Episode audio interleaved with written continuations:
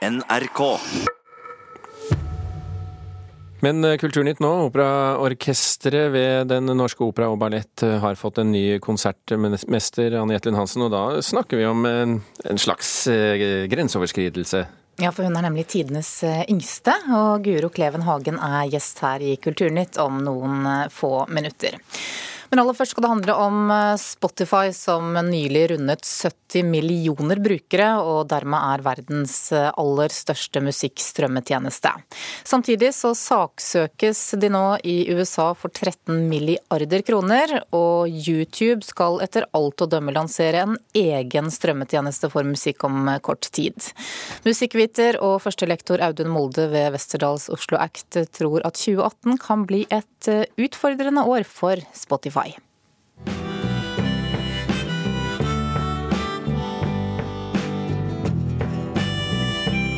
Overgangen til et nytt år har vært dramatisk for den svenske musikkstrømmetjenesten Spotify.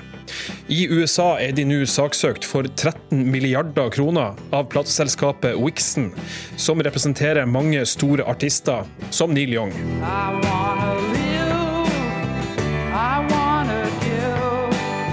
Wixon representerer også giganter som Missy Elliott, Beach Boys og Tom Petty.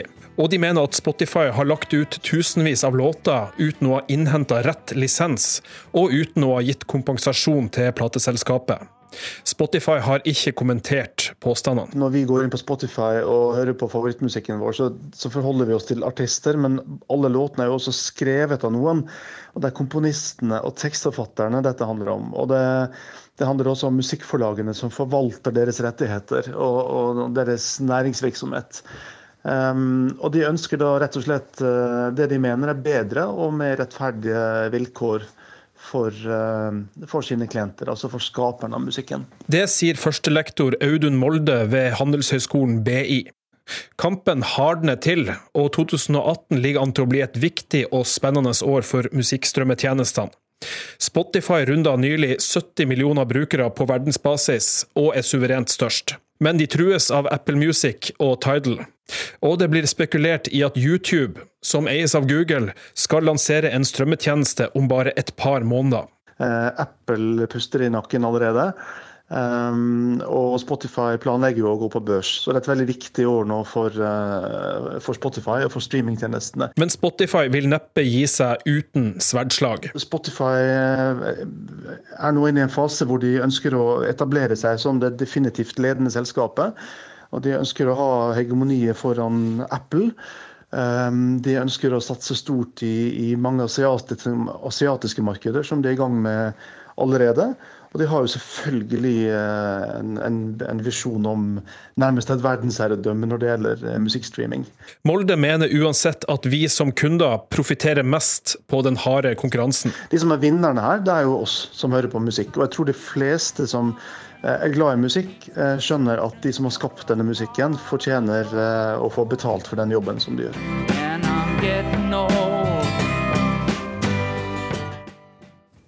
Reporter her, det var eh, Oddvin eh, Aune. Førsteamanuensis Daniel Norgård ved Universitetet i Agder, god morgen. God morgen, ja. Hei. Du forsker på strømmetjenester og digitalisering av eh, musikkbransjen. Vi hørte altså at Spotify blir utfordret av flere ting her nå. Hvordan vil du karakterisere starten på året for musikkstrømmetjenesten? Eh, på mange måter vil jeg karakterisere det som en litt sånn gjentagende prosess. Eh, det at, eh, at, Spotify skal gå på børs, er noe de har annonsert jeg tror de siste tre årene. Det at de opplever en sterk vekst, er også noe som vi har sett de siste årene. Og det at de har blitt trua med søksmål, er jo noe som har skjedd tidligere. Så det, det, er egentlig ikke sånn så veldig forskjellig fra, fra det, sånn som Spotify har hatt det siste, siste årene. Det som er Den store forskjellen er jo egentlig størrelsen på alt sammen. Eh, Spotify har blitt veldig mye større. Søksmålene har blitt mye større. Og, og børsnoteringa har, eh, har, kommet mye nærmere. Så eh, det kan godt hende at 2018 faktisk blir en, en børsnotering, og at vi ser hvordan eh, markedet eh, tolker Spotify. Og så blir det veldig spennende å se hvordan eh, konkurrentene, hvorvidt de faktisk ruller ut en en strømtjeneste. Jeg, jeg, jeg, tenker at det er, det er, viktig å huske på en ting. I introen her så ble det sagt at, at, Spotify er verdens største strømtjeneste. Det er ikke helt riktig. YouTube er allerede verdens største strømtjeneste. Det eneste som er forskjellen der, det er at ikke de er betalende kunder. Altså De har allerede, så, så du kan si Spotify konkurrerer allerede med YouTube. Det er ikke noe som kommer, det er noe som allerede er der. Men hvem vinner denne kampen nå, fremover, tror du?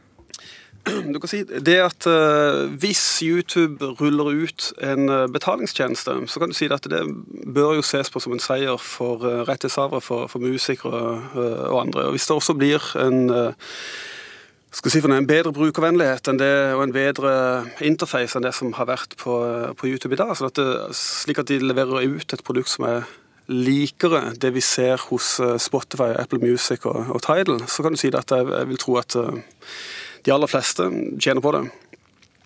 Ja, og kundene er kanskje de som eh, tjener mest?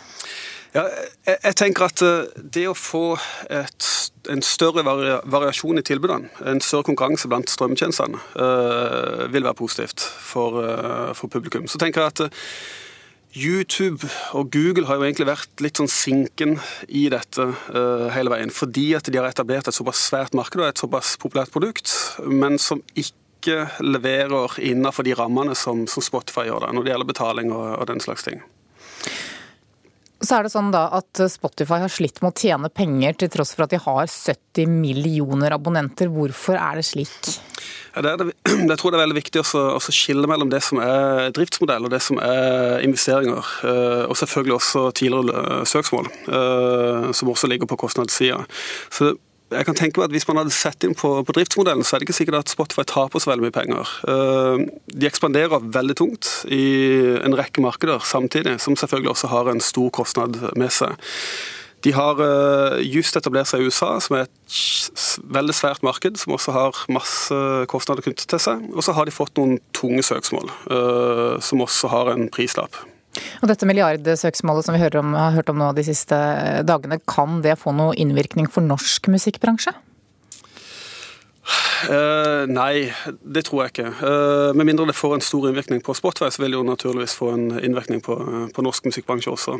Men uh, i utgangspunktet så tro, tror jeg ikke det. Det jeg vil tippe at skjer, er at man får et forlik, sånn som man har fått i tidligere saker, uh, utafor rettssak. Førsteamanuensis Daniel Norgård ved Universitetet i Agder, takk for at du var med her i eh, Nyhetsmorgen.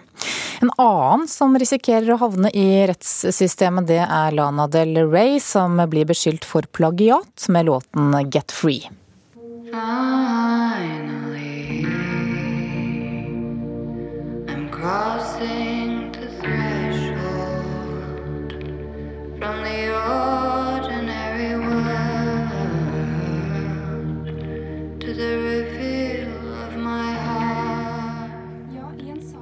Dagbladet i dag så står det altså om eh, beskyldning av plagiat i musikkverden. Eh, Lana Del Rey hun ga ut et nytt album i fjor, 'Lust for Life'.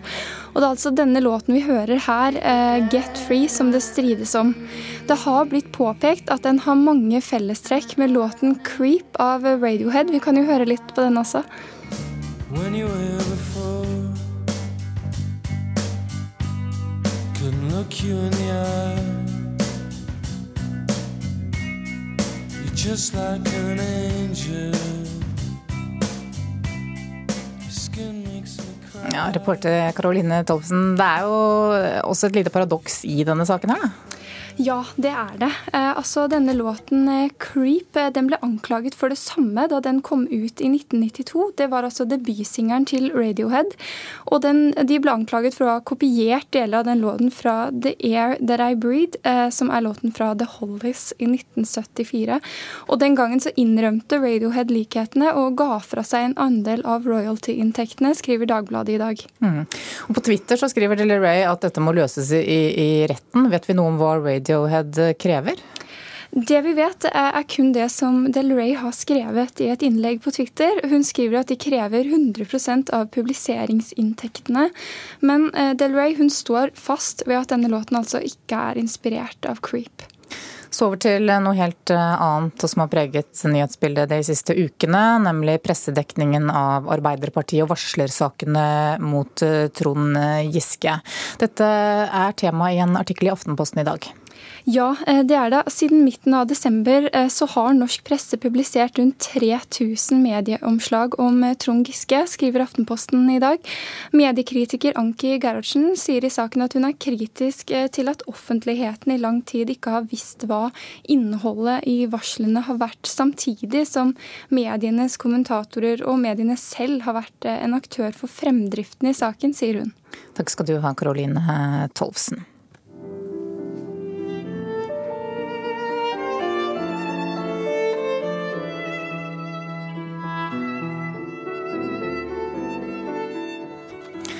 Det du hører her, det er eh, Guro Kleven Hagen på fiolin. Pianist Marianna Shirinyan som spiller en fiolinsonate skrevet av komponisten Morris eh, Ravel.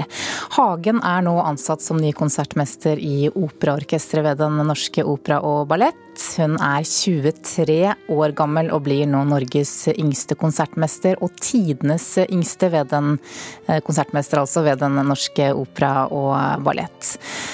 Guro Kleven Hagen, velkommen hit til Kulturnytt, og gratulerer med ny jobb. Ja, tusen takk. Du, hva betyr det for deg å, å få denne jobben ved Den norske opera og ballett? En utrolig fantastisk jobb, altså virkelig. Um, operaen som arbeidsplass er på en måte drømmearbeidsplassen, kanskje, for meg. Uh, det, så jeg har jobba ganske lenge som musiker. Uh, men det å faktisk få faste kolleger og ha et sted der jeg faktisk bor, som jeg kan gå til hver dag nesten, og måte, jobbe, det er helt fantastisk. Hva innebærer det å være konsertmester? Jo, jeg skal på en måte være bindeleddet mellom orkesteret og dirigenten. Eh, og på en måte videreformidle det dirigenten ønsker til orkesteret.